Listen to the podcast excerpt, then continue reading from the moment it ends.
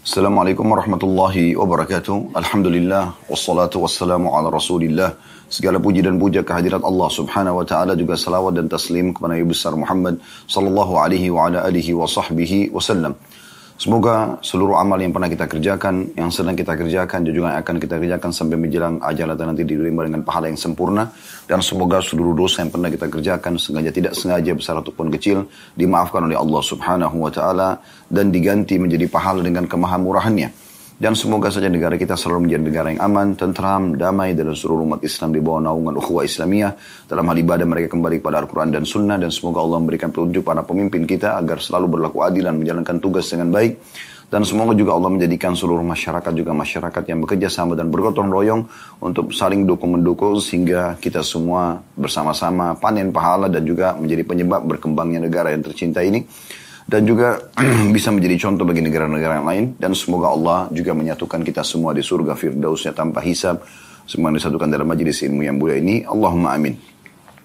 Seperti biasa di hari Rabu siang hari pukul 13.00 waktu Indonesia Barat kita melanjutkan bedah buku yang mulia. Buku Riyadus Salihin tulis oleh Imam Nawawi rahimahullah. Dan kita masih dalam bab yang sama. Bab diharamkannya sombong dan juga berbangga diri. Kita akan berada di hadis-hadis terakhir dalam bab ini Langsung saja saya bacakan. Siang ini insya Allah kita belajar di hadis nomor 619. Berbunyi dari Haritha bin Wahab radhiyallahu anhu, beliau berkata, saya mendengarkan Rasulullah sallallahu alaihi wasallam bersabda, "Ala ukhbirukum bi ahli nar, kullu utullin jawadhin mustakbir." Kata Nabi SAW, maukah kalian aku beritahukan tentang penghuni neraka? Yaitu ciri mereka ada tiga di sini. Orang yang keras dan kasar. Kemudian yang kedua jawaz. Dan jawaz artinya adalah orang yang kikir dan suka menumpuk-numpukan harta. Serta orang yang sombong. Dikatakan di sini, syarahnya telah disebutkan dalam bab keutamaan orang-orang lemah, miskin, dan tidak dikenal dari kalangan muslimin. Ada di hadis nomor 257. Artinya, hadis ini sudah pernah dijelaskan di hadis nomor 500 257 eh, lebih lengkap daripada lafadz ini. Karena memang awal lafadz hadis ini disebutkan tentang eh, sifat-sifat uh, dan ciri ahli surga. Baru kemudian ditutup dengan ciri ahli neraka. Kita akan coba lihat hadis bagi teman-teman yang pegang bukunya. Hadis nomor 257 saya bacakan ada di halaman 246 ya kalau cetakan anda sama dengan kami. Dari Harith bin Wahab radhiyallahu anhu beliau berkata saya mendengarkan Rasulullah sallallahu alaihi wasallam bersabda ala ukhbirukum bi ahli jannah kullu dha'ifin mutadha'ifin law aqsama 'ala Allah la abarra ala ukhbirukum bi ahli nar kullu utullin jawhadin mustakbir Kata Nabi SAW, maukah kalian aku beritahukan tentang penghuni surga? Siapa saja mereka dan apa ciri-ciri mereka? Yaitu setiap orang yang lemah, ada footnote nomor 263, maksudnya jiwanya lemah karena kerendahan hatinya dan lemah keadaannya di dunia. Jadi bukan maksudnya lemah kepribadian ya, tapi mereka itu bisa lemah dari sisi ekonomi atau mereka lemah di sini maksudnya nampak mereka seakan-akan lemah karena tawaduknya, karena merendahnya. Kemudian mutadaifin artinya suka dianggap remeh. Ya, kebanyakan orang-orang yang saleh, salehah, sibuk dengan rumah Allah masjid, sibuk dengan majlis taklim biasanya keadaan ekonomi mereka biasa saja dan umumnya berpakaian juga biasa sederhana. Target mereka adalah bagaimana melalui dunia ini dengan mudah dan semua diisi waktunya dengan ibadah kepada Allah Subhanahu wa taala dengan harapan nanti akan mendapatkan balasan maksimal di akhirat. Maka mereka umumnya mutadhaif, biasanya dianggap remeh oleh orang-orang. Namun kata Nabi SAW, kalau mereka bersumpah atas nama Allah, maka Allah pasti akan mengijabahnya. Ya. Pernah saya mendengarkan sebuah ceramah dari seseorang dari Maroko. Saya tidak tahu juga namanya siapa, tapi dia bercerita tentang pengalaman dia di musim haji. Dia bilang pada saat saya masuk di musim haji di Saudi, subhanallah ada ujian. kami tiba-tiba saja busnya tidak bisa jalan, kami tidak punya solusi, dan sudah harus masuk di lokasi eh, titik-titik uh, haji pada saat itu. Maka dia bilang saya tidak tahu lagi harus berbuat apa. Saya pun akhirnya minta bantuan sana sini tidak ada solusi karena semua bus-bus terpakai Maka dia bilang saya masuk ke satu masjid ada di dekat situ. Setelah saya sudah coba berusaha ikhtiar untuk mencari, belum menemukan solusinya. Kemudian saya sholat dan saya berdoa kepada Allah subhanahu wa ta'ala. Lalu ada saya lihat satu orang dari Bangladesh. Seorang marbot masjid yang tugasnya memang cleaning service, membersihkan masjid. Lalu saya mengatakan, tolong doakan saya. Saya lagi ada masalah. Dia mengatakan dengan bahasa dia sederhana. Bahasa Arabnya pun masih belum sempurna. Dia hanya mengatakan sambil menunjuk ke langit, Wahai Tuhanku, aku bersumpah atas namamu, mudahkan urusan orang ini. Maka Dai dari Maroko ini mengatakan, demi Allah setelah dia mengucapkan kalimat tersebut, tiba-tiba HP saya berbunyi dan saya dihubungi oleh seorang teman yang kebetulan juga masuk bersama dengan kami. Dan tanpa saya menceritakan permasalahan saya, tiba-tiba dia mengatakan, uh, apa kau butuh tunggangan, butuh kendaraan, kebetulan saya, di bus saya masih cukup untuk sekian orang. Dan subhanallah jumlah yang ada kosong di bus orang itu sejumlah jemaah saya. Maka dia mengatakan dalam closing ceramahnya, berapa banyak orang yang kadang-kadang tidak dianggap punya kedudukan di mata manusia, tapi betul-betul kalau bersumpah atas nama Allah, Allah akan ijabah. Nah seperti itulah. Makanya tolok ukur di sisi Allah subhanahu wa ta'ala itu adalah ketakwaan. Dan bukan paras wajah, bukan postur tubuh, bukan kekayaan, bukan jabatan, bukan titel. Tapi bagaimana kedekatan dia dengan Allah subhanahu wa ta'ala. Kita akan lihat kedekatan dengan Allah itu yang Allah nampakkan dalam keberkahan setiap kali. Dalam keseharian itu, dalam setiap waktunya ada keberkahan. Dia akan terus mendapatkan taufik untuk berfikir, untuk mengucapkan, untuk merenungi. Bagaimana dari amal soleh ke amal soleh yang lain. Bagaimana dia bertaubat dari dosa-dosa mungkin yang pernah dia lakukan di masa lalu. Bagaimana dia memberikan manfaat yang lebih besar kepada orang lain dan seterusnya. Maka kita akan temukan keberkahan dalam kehidupan mereka. Allah berikan seperti itu sehingga terisi dengan hal-hal yang bermanfaat. Nah ini contoh saja orang-orang yang Allah berikan taufiknya. Namun kita bukan sedang membahas ahli surganya karena sedang membahas bab tentang kesombongan. Maka kita langsung saja masuk ke dalam hadis yang sedang kita bahas yaitu dan maukah kau atau maukah engkau atau maukah kalian aku beritahukan tentang penghuni neraka? Lalu Nabi SAW sebutkan tiga cirinya. yang pertama disebutkan kullu utullin. Semua orang yang kasar. Keras. ya Ada subhanallah orang yang tidak pernah punya kelembutan.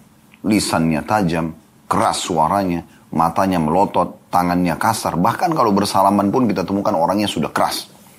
Dan kadang-kadang kita susah bermuamalah dengan orang seperti ini karena kita tidak tahu kapan dia tidak tersinggung. Karena setiap kali ada muamalah yang ada adalah selalu ketegangan, selalu kekerasan.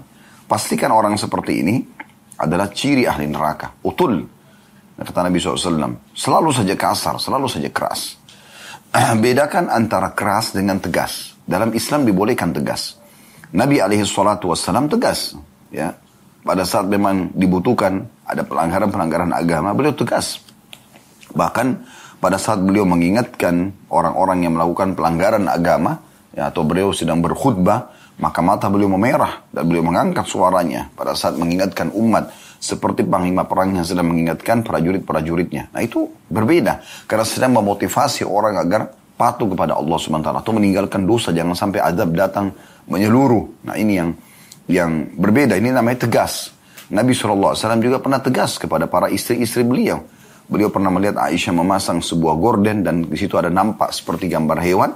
Maka terlihat dari raut wajah beliau, beliau tidak suka dan beliau mengingatkan kalau ada gambar ataupun patung di rumah maka tidak akan dimasuki oleh malaikat. Tapi beliau tegas, cuma tidak keras. Tidak keras gitu. Nabi SAW tegas dalam menjawab, dalam memberikan penjelasan. dan dari sisi lain, itu bukan menjadi sebuah prinsip ya. Di waktu-waktu tertentu saya butuh ketegasan. Tapi umumnya beliau berlemah lembut. Ya, sampai Nabi SAW dikenal sekali kalau beliau masuk ke kota Madinah dari satu safar ataupun dari perjalanan peperangan, maka beliau dikurumuni oleh anak-anak kecil. Ada yang bergelantungan di paha depan, paha belakang, kiri kanan kaki Nabi. Ada yang bergelantungan di punggung Nabi, ada di kanan, di lengan kanan dan kiri beliau. Sampai kalau Nabi SAW sudah tidak mampu, beliau mengatakan kepada para sahabat, bantulah aku.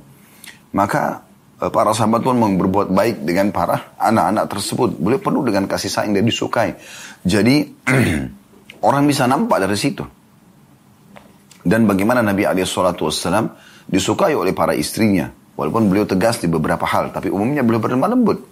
beliau santun, beliau ramah. Dan hak utama nomor satu untuk para istri adalah wa ashiruhunna bil ma'ruf sebagaimana Allah SWT sebutkan dalam Al-Quran. Dan gaulilah mereka dengan cara ma'ruf dengan cara baik dengan cara santun dengan cara sopan. Bukan kejantanan itu dengan suara yang keras.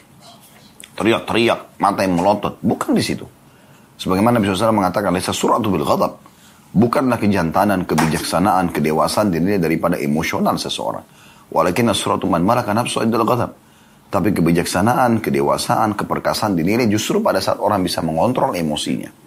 Ya. Dan ini poin yang penting sekali untuk diketahui. Jadi tidak ada kekerasan dalam Islam.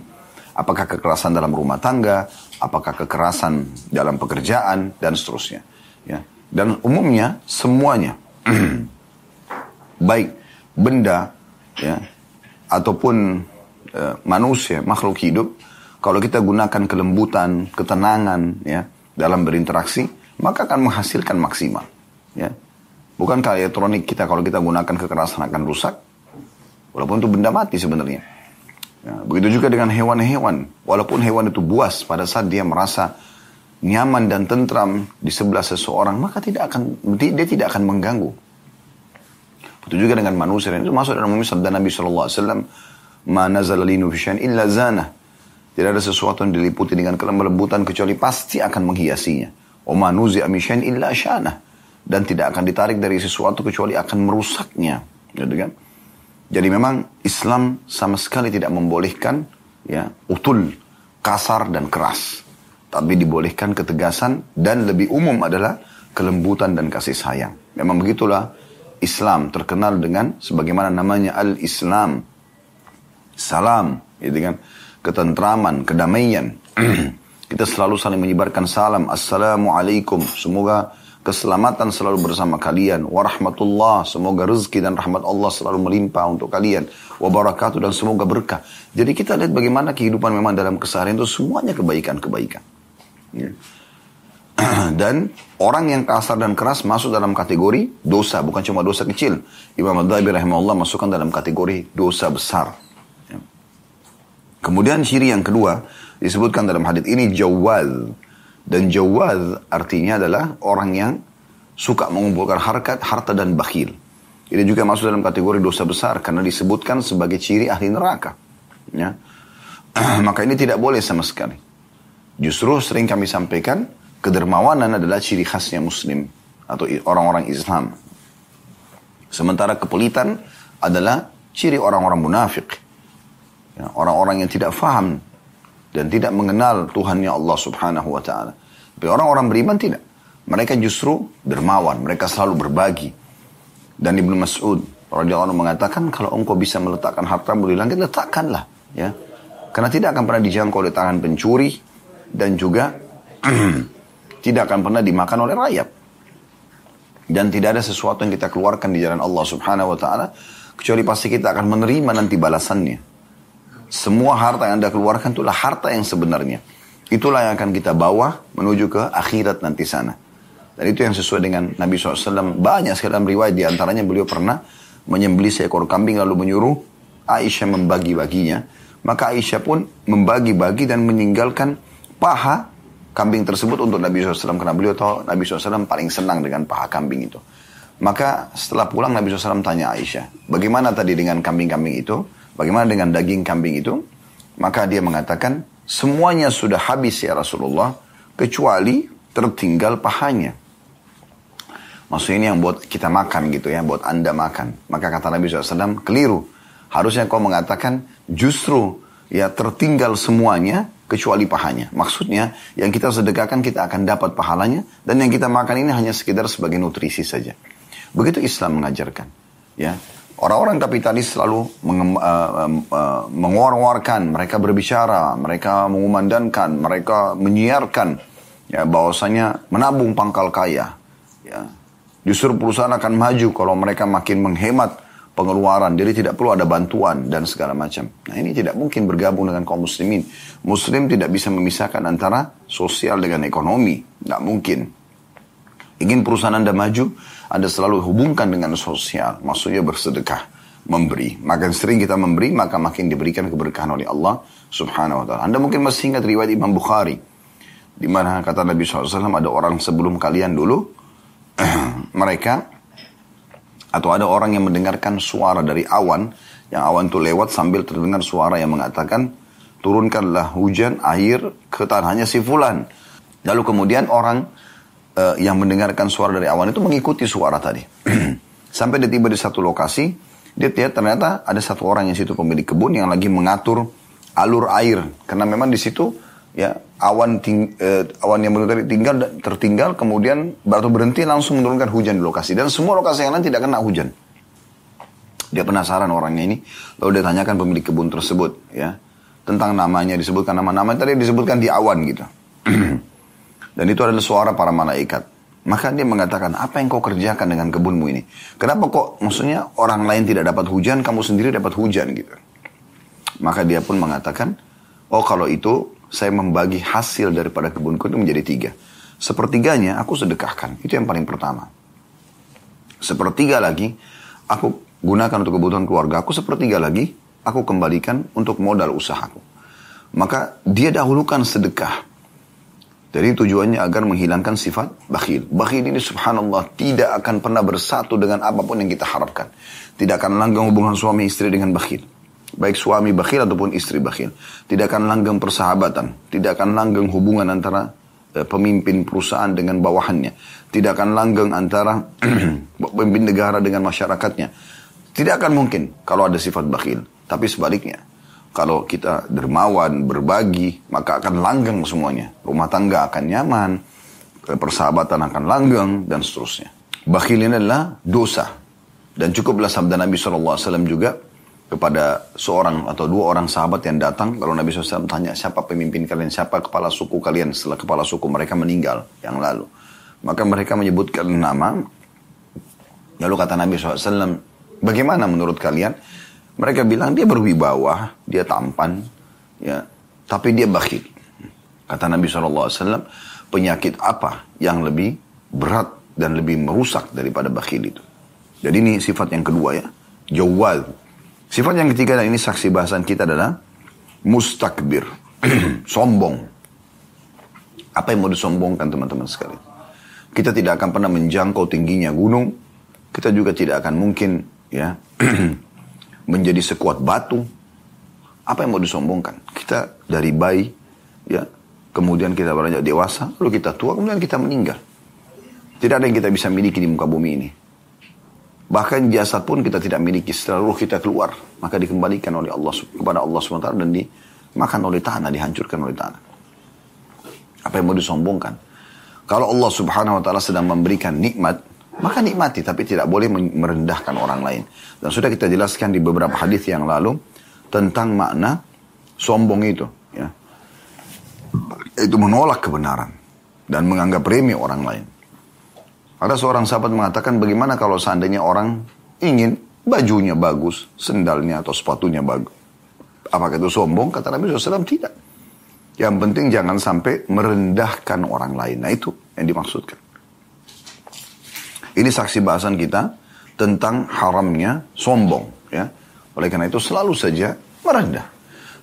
Kalau Allah Subhanahu wa taala berikan rezeki, bahasakan ini amanah dari Allah. Ini amanah dari Allah.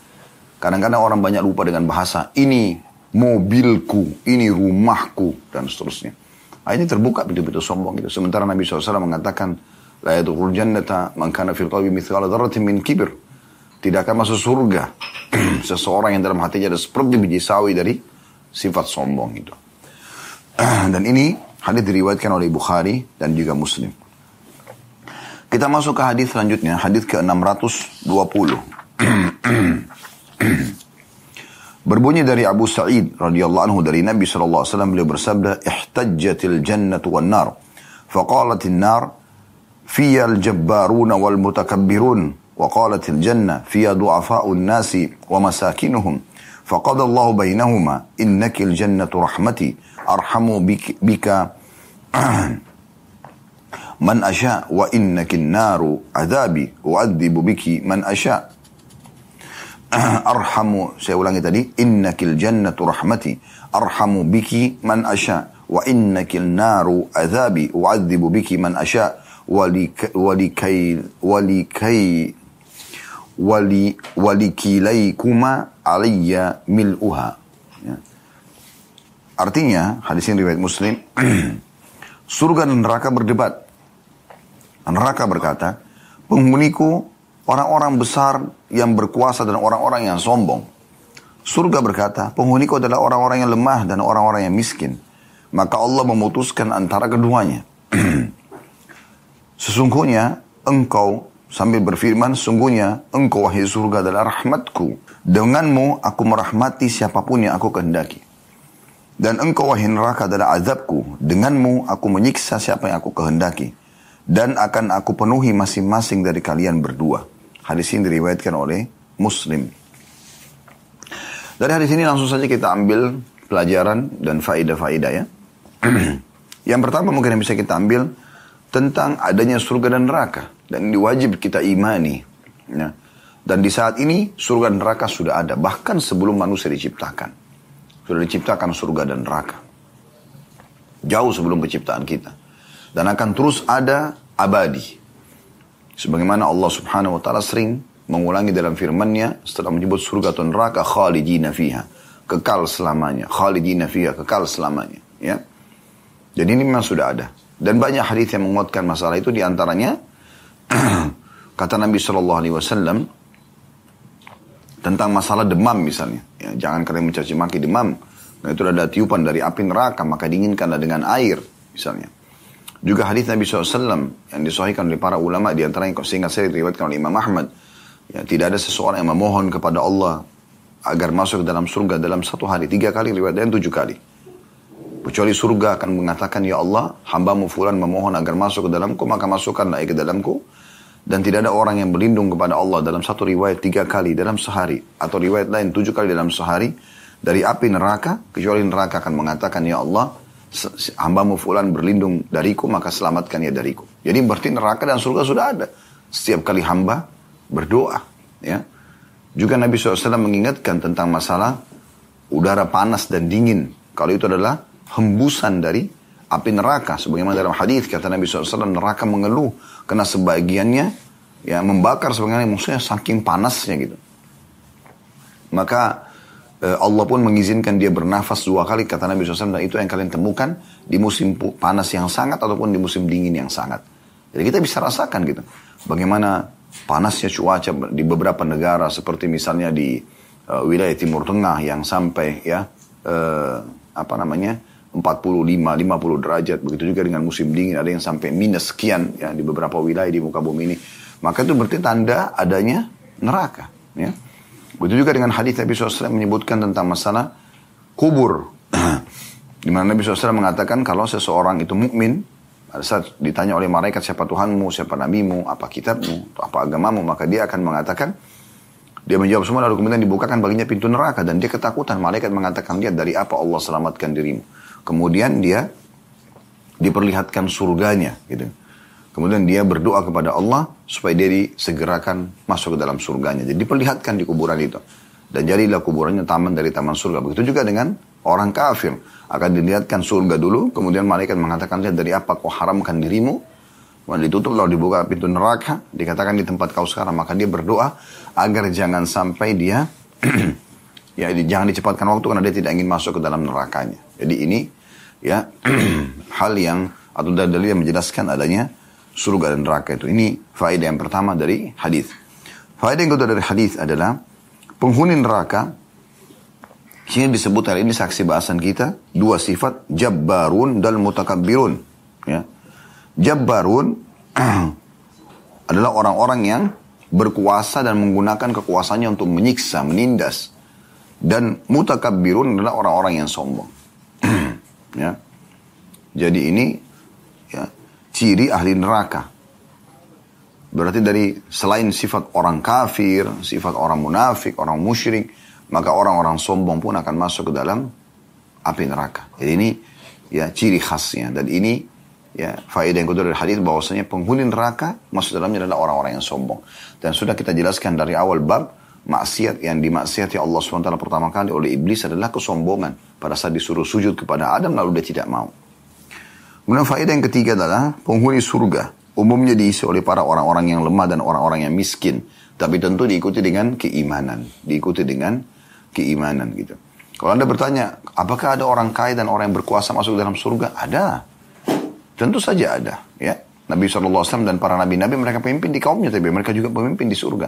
Para sahabat Nabi Ridwanullah alaihim, mereka adalah orang-orang yang ya, yang luar biasa gitu. Ya. Yang yang kaya, yang uh, banyak punya ya, andil dalam kehidupan, namun mereka juga bahkan punya jabatan sebagai khalifah seperti Abu Bakar, Umar, Uthman, Ali, dan juga ya mereka uh, termasuk ahli surga. Bahkan pernah Nabi SAW pada saat menjelaskan setiap amal itu akan punya pintu-pintu gerbang di surga. Dan di dalamnya ada kem istana. Ya, pintu jihad, pintu sholat, pintu puasa. Lalu Abu Bakar mengatakan, Ya Rasulullah, adakah orang yang dipanggil dari semua pintu itu? Artinya di setiap pintu-pintu gerbang ibadah itu ada istananya di dalam. Kata Nabi SAW, ya ada dan saya berharap kamu termasuk di antaranya. Padahal Abu Bakar orang yang kaya. Abu Bakar juga radhiyallahu anhu adalah seorang khalifah raja pada saat itu. Namun dia bisa mendapatkan derajat yang tinggi di surga. Cuma umumnya penghuni surga itu adalah orang-orang yang kehidupannya miskin ya.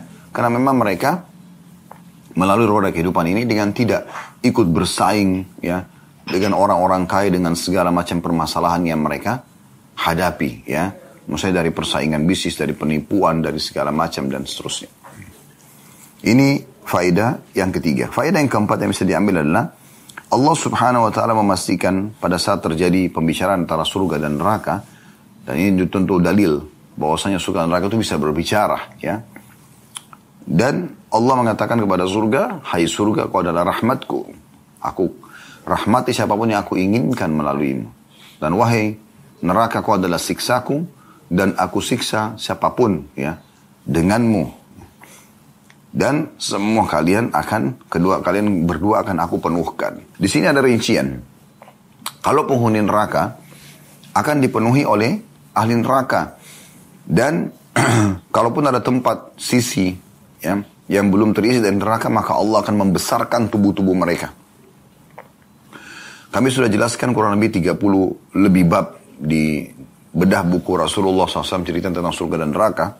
Ada 30 bab sekian surga dan 30 bab sekian neraka. Di situ banyak sekali dalil-dalil tentang masalah neraka itu nanti penghuninya akan dibesarkan tubuhnya. Sampai gigi geraham mereka seperti gunung-gunung yang besar di kota Madinah seperti gunung Uhud dan yang semisalnya. Maka ini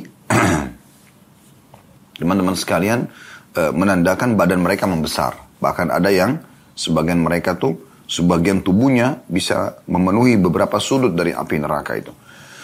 kalau surga Allah akan ciptakan ya makhluk-makhluk yang akan menjadi penghuninya di antaranya para bidadari dan bidadara yang akhirnya ya akan melayani ahli surga sebagaimana dalam beberapa riwayat dijelaskan itu akan ada nanti orang-orang yang uh, diterbangi istanahnya oleh bidadari kemudian bidadari itu mampir dan mengatakan apakah uh, ada tempat di sisimu untukku maka kalau ahli surga itu menganggap iya, maka dia akan jadi bersama tinggal di istananya. Kalau tidak, maka dia pun pergi ke istana yang lainnya. Jadi itu yang dimaksud dengan dan surga ini akan ada dipenuhi oleh atau keduanya akan dipenuhi oleh penghuninya. Selanjutnya kita masuk ke hadis 621 berbunyi dari Abu Hurairah radhiyallahu anhu bahwa Rasulullah SAW bersabda, "La yanzurullahu yawmal qiyamati ila man jarra izarahu batara." Allah tidak akan melihat pada hari kiamat kepada orang yang menjulurkan kain, kain sarungnya dalam kurung hingga melebihi mata kaki karena sombong. Hadis ini riwayat Bukhari dan juga Muslim. Hadis ini teman-teman sekalian berbicara tentang masalah hukum isbal. Apa itu isbal? Bagi laki-laki dilarang untuk menutupi mata kakinya. Ya, begitu penyampaian dalam hadis ini dan beberapa hadis-hadis yang lain, gitu kan? Bagi perempuan itu tidak ada masalah. itu kalau di uh, ulurkan bajunya pakainya dari atas ke bawah. Apakah gamis, apakah sarung, apakah celana ya. Tapi kalau bagi perempuan tidak ada masalah karena memang harus tutup auratnya.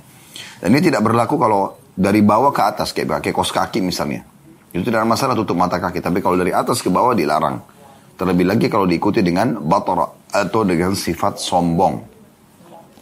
Dari hadis ini kita ambil pelajaran bahwasanya Allah Subhanahu wa taala melarang orang melakukan sifat sombong dan sikap sombong di berpakaian atau pada saat seseorang berpakaian, ya. Jadi jangan sampai membuat kita menganggap remeh orang lain, membuat mengubah cara jalan kita hanya kita menganggap orang lain tidak setampan kita, tidak secantik kita dan seterusnya. Maka ini masuk dalam ancaman hadis ini. Baik, langsung kita masuk hadis nomor 622 karena kita akan coba selesaikan sampai 625 ya. Hadis nomor 622 dari Abu Hurairah radhiyallahu anhu beliau berkata Rasulullah SAW bersabda thalathatun la yukallimuhumullahu yawmal qiyamati wa la yuzakkihim wa la yanzuru ilaihim wa lahum adzabun alim. Syaikhun zanin wa malikun kadzab wa ailun mustakbir. Hadis ini riwayat Muslim. Ada tiga golongan yang Allah tidak akan berbicara kepada mereka pada hari kiamat tidak mensucikan mereka tidak pula memandang mereka dan bagi mereka siksa yang pedih yaitu Tiga golongan ini. Yang pertama, orang tua yang berzina. Yang kedua, raja yang pendusta. Dan yang ketiga, orang miskin yang sombong. Hadith ini luar biasa nih ya. Memberikan penjelasan kepada kita banyak sekali pelajaran. Langsung saya kita masuk pelajaran yang pertama. Akan ada golongan khusus Allah ancam. Dengan beberapa hal. Yang pertama, Allah tidak bicara dengan mereka. Bayangkan teman-teman kalau kita lagi diundang oleh seseorang ke rumahnya lalu kita tidak ajak bicara. Bagaimana perasaan kita? Semua tamu diajak bicara kecuali kita. Kemudian tidak mensucikan mereka, maksudnya tidak tidak mem, mem, menghapuskan dan memaafkan dosa-dosa mereka di timbangan amal nanti supaya timbangan amal solehnya lebih berat daripada dosanya. Allah tidak sucikan mereka. Kemudian tidak pula memandang mereka. Allah tidak mau lihat mereka. Kemudian juga bagi mereka adab yang pedih. Empat hal diancamkan. Ini berat sekali tentunya. Langsung kita masuk ke faedah pertama dari hadis adalah adanya ancaman yang sangat berat untuk tiga golongan. Langsung kita masuk ke golongan pertama yaitu orang tua yang berzina. Baik, apakah anak muda boleh berzina? Jawabannya tidak. Tapi beda posisi antara anak muda sama orang tua. Kalau anak muda, syahwatnya mungkin masih besar. Masih banyak pemicu. Mungkin orang-orang yang sepadan dengan dia, anak-anak muda ini, memang semuanya masih belum punya pengalaman. Mungkin pengetahuan agama masih sedikit.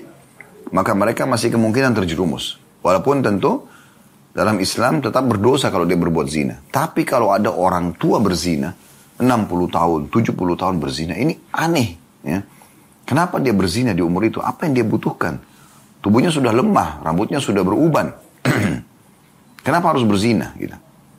Maka ini akan sangat berat siksanya. Karena dia mengerjakan perbuatan yang sudah tidak layak untuk umurnya. Gitu. Walaupun dasarnya anak muda pun tidak boleh berzina. Nah, ini faedah yang pertama. Artinya golongan yang sangat berat Allah siksa hari kiamat adalah orang tua yang berzina. Faedah yang kedua adalah golongan kedua di sini yang Allah siksa yaitu raja yang pendusta presiden, raja, ya, penguasa. Untuk apa dia dusta? Oh dia sudah sampai kepada jabatannya. Janji-janji palsu yang disampaikan dan ini berat ya hisapnya hari kiamat. Para sahabat Ridwan alaihim kalau dikasih jabatan mereka lari dari jabatan tersebut karena takut dihisap oleh Allah Subhanahu wa taala. Kecuali darurat mereka dipaksa benar-benar baru mereka menerima yaitu pun dengan mereka terus berharap kepada Allah jangan sampai mereka dihukum oleh Allah gara-gara ada kesalahan yang luput. Umar bin Khattab radhiyallahu tidak mau tidur malam hari sampai dia pastikan nggak ada lagi penduduk Madinah yang butuh dengan dia. Kemudian dia pergi. Jadi ini poin yang harus diperhatikan baik-baik. Kalau ada raja atau pemimpin yang berdusta ini aneh. Dia sudah sampai pada jabatan pemimpin. Kenapa dia tidak adil? Kenapa dia tidak jujur?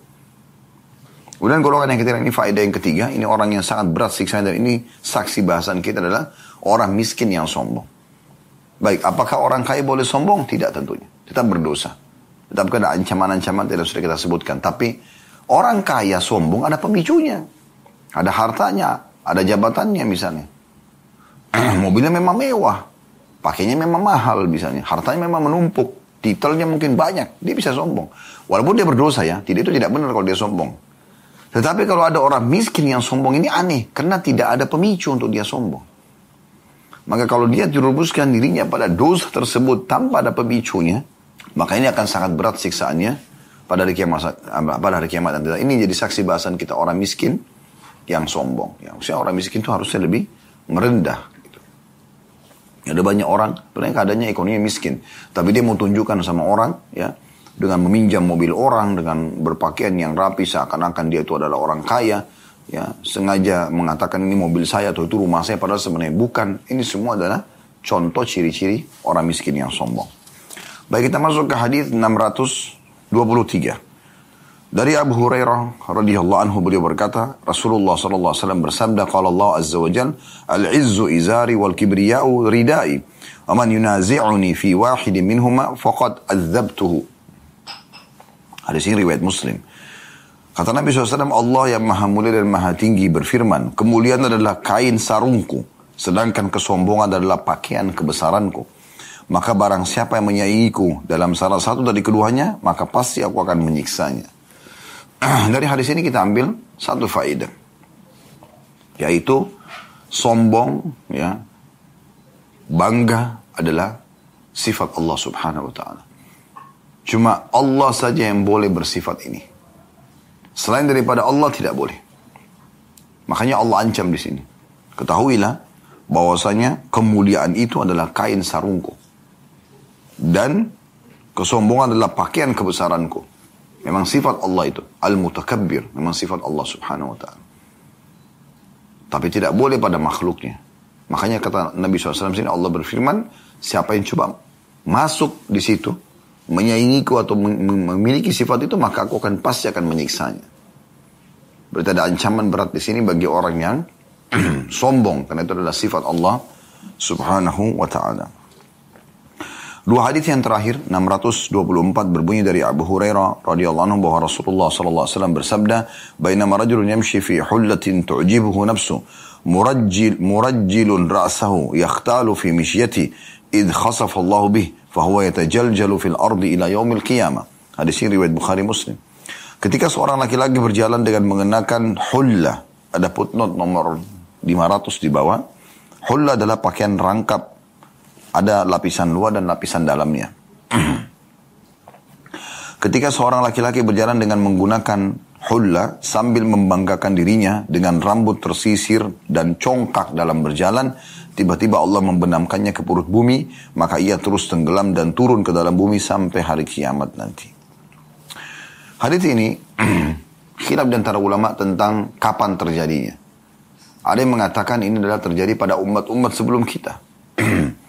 Ada orang yang jalan dengan sombongnya, dengan pakaiannya, dengan rambut yang disisir rapi, dia membanggakan diri, meremehkan orang lain, maka Allah goncangkan bumi lalu ditenggelamkan dia. Dan dia terus meronta-ronta di dalam bumi tersebut sampai hari kiamat. Allah siksa dia. Ada juga yang mengatakan bahwasanya ini terjadi di umat ini. Dan ada pendapat juga yang mengatakan terjadi pada siapa pun. Bisa setiap saat siksaan seperti ini datang kepada orang yang sombong.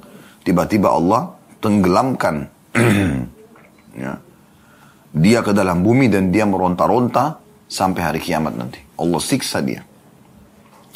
Hadis ini memberikan faedah kepada kita tentang haramnya sombong dan bagaimana azab atau siksa itu bisa datang seketika kepada orang yang sombong. Dan di sini ancamannya sangat tegas. Setiap saat bisa terbuka bumi itu lalu dia tenggelam di dalamnya dan Allah menghukumnya. Subhanallah. Sebaliknya, dalam hadis tentang tawadu, lawan daripada sombong, kata Nabi SAW, dan tidak akan menambah tawadu kecuali kemuliaan. Dalam hadis lain, Allah, siapa yang tawadu, karena Allah, Allah akan tinggikan derajatnya. Maka orang makin merendah, bukan menghinakan dirinya. Makin dia tidak sombongkan diri, dia tidak berbangga-bangga dengan nikmat yang sedang Allah berikan, tapi dia menikmatinya sambil bersyukur, ya berbagi juga dengan orang lain, maka itu akan lebih besar manfaatnya buat dia. Sebaliknya kalau dia sombong, maka ancaman ini akan bisa kena kepada dia. E, di sini faedahnya adalah ancaman yang sangat berat dan bisa seketika datang kepada siapa pun yang sombong baik dengan pakaiannya, baik dengan penampilannya, ya baik dengan hartanya ataupun yang lainnya. Hadis terakhir dalam bab sombong ini semoga Allah selamatkan kita. Hadis nomor 625 dari Salama bin Aqwa radhiyallahu anhu beliau berkata, Rasulullah SAW bersabda, La yazalu rajulu yadhabu binafsi hatta yuktaba fil jabbarin, fayusibuhu ma asabahum. Tidak henti-hentinya seorang itu berbuat sombong hingga, hingga ia ditulis dalam kelompok orang-orang yang sombong, maka dia pun akan tertimpa apa yang oleh apa saja yang telah menimpa mereka. Hadis ini riwayat Trimidi dan dikatakan hadis ini Hasan Ada penjelasan tentang makna yadhab nafsuhu, maksudnya tinggi hati dan sombong. Hadith ini memberikan pelajaran kepada kita sekaligus kita masuk ke faedah dan kita tutup dengan hadith ini dan insya Allah di sini kita akan buka sesi tanya jawab setelah selingan eh, iklan insya Allah. Dari hadith ini kita ambil pelajaran bahwasanya kalau ada orang yang selalu rutin dengan sombongnya, setiap hari selalu berbangga dengan pakaiannya, dengan penampilannya, menganggap remeh orang lain, menolak masukan-masukan positif yang memang sebenarnya dia sedang melanggar, ya sehingga dia menolak kebenaran Terus saja dia lakukan itu sampai akhirnya Allah tutup hatinya dan dia menjadi orang sombong. Dan akhirnya menimpalah dia apa yang telah menimpa orang-orang sombong sebelumnya. Dan subhanallah memang sudah begitu sunnatullah ya. Kalau ada orang sibuk dengan ribanya, dinasihati tidak mau dengar, maka apa yang menimpa orang-orang sebelum dari pelaku riba akan sama menimpa dia. Ya, orang-orang yang kafir akan sama nasib orang yang kafir dan membangkang terhadap bisaran Nabi Muhammad SAW akan sama seperti Abu Jahal, Abu Lahab, Umayyah bin Khalaf dan yang lainnya. Dan orang yang beriman seperti Abu Bakar, Umar akan sama nasibnya. Memang sudah begitu. Anda bersama dengan orang soleh dan patuh, Anda akan sama dengan mereka dan Anda akan dapatkan apa yang telah Allah berikan kepada mereka tergantung kadar amal dan ya keikhlasan kita. Dan kalau Anda ikuti orang-orang yang membangkang dan bermaksiat, Anda akan juga sama dengan mereka dan akibatnya akan sama. Akan sama. Tidak ada yang tidak ada yang berubah. Dan Allah mengatakan walan tajid dari sunnatillahi tabdila. Kalian tidak akan menemukan ada perubahan dari sunnah-sunnah Allah subhanahu wa ta'ala itu. Semoga Allah subhanahu wa ta'ala menyelamatkan kita dari semua sifat sombong. Dan Allah bersihkan hati kita dari semua penyakit-penyakit hati. Dan Allah subhanahu wa ta'ala selalu mengisi hati kita dengan keimanan, dengan ketawaduan. Dan juga Allah selalu tinggikan derajat kita dengan itu di dunia dan juga di akhirat insya Allah. Semua bermanfaat sekali lagi. Kalau ada benar dari Allah, kalau ada salah dari saya mohon dimaafkan. Subhanakallahumma bihamdika. Asyhadu an la ilaha illa anta astaghfiruka wa atubu ilaik. Wassalamualaikum warahmatullahi wabarakatuh.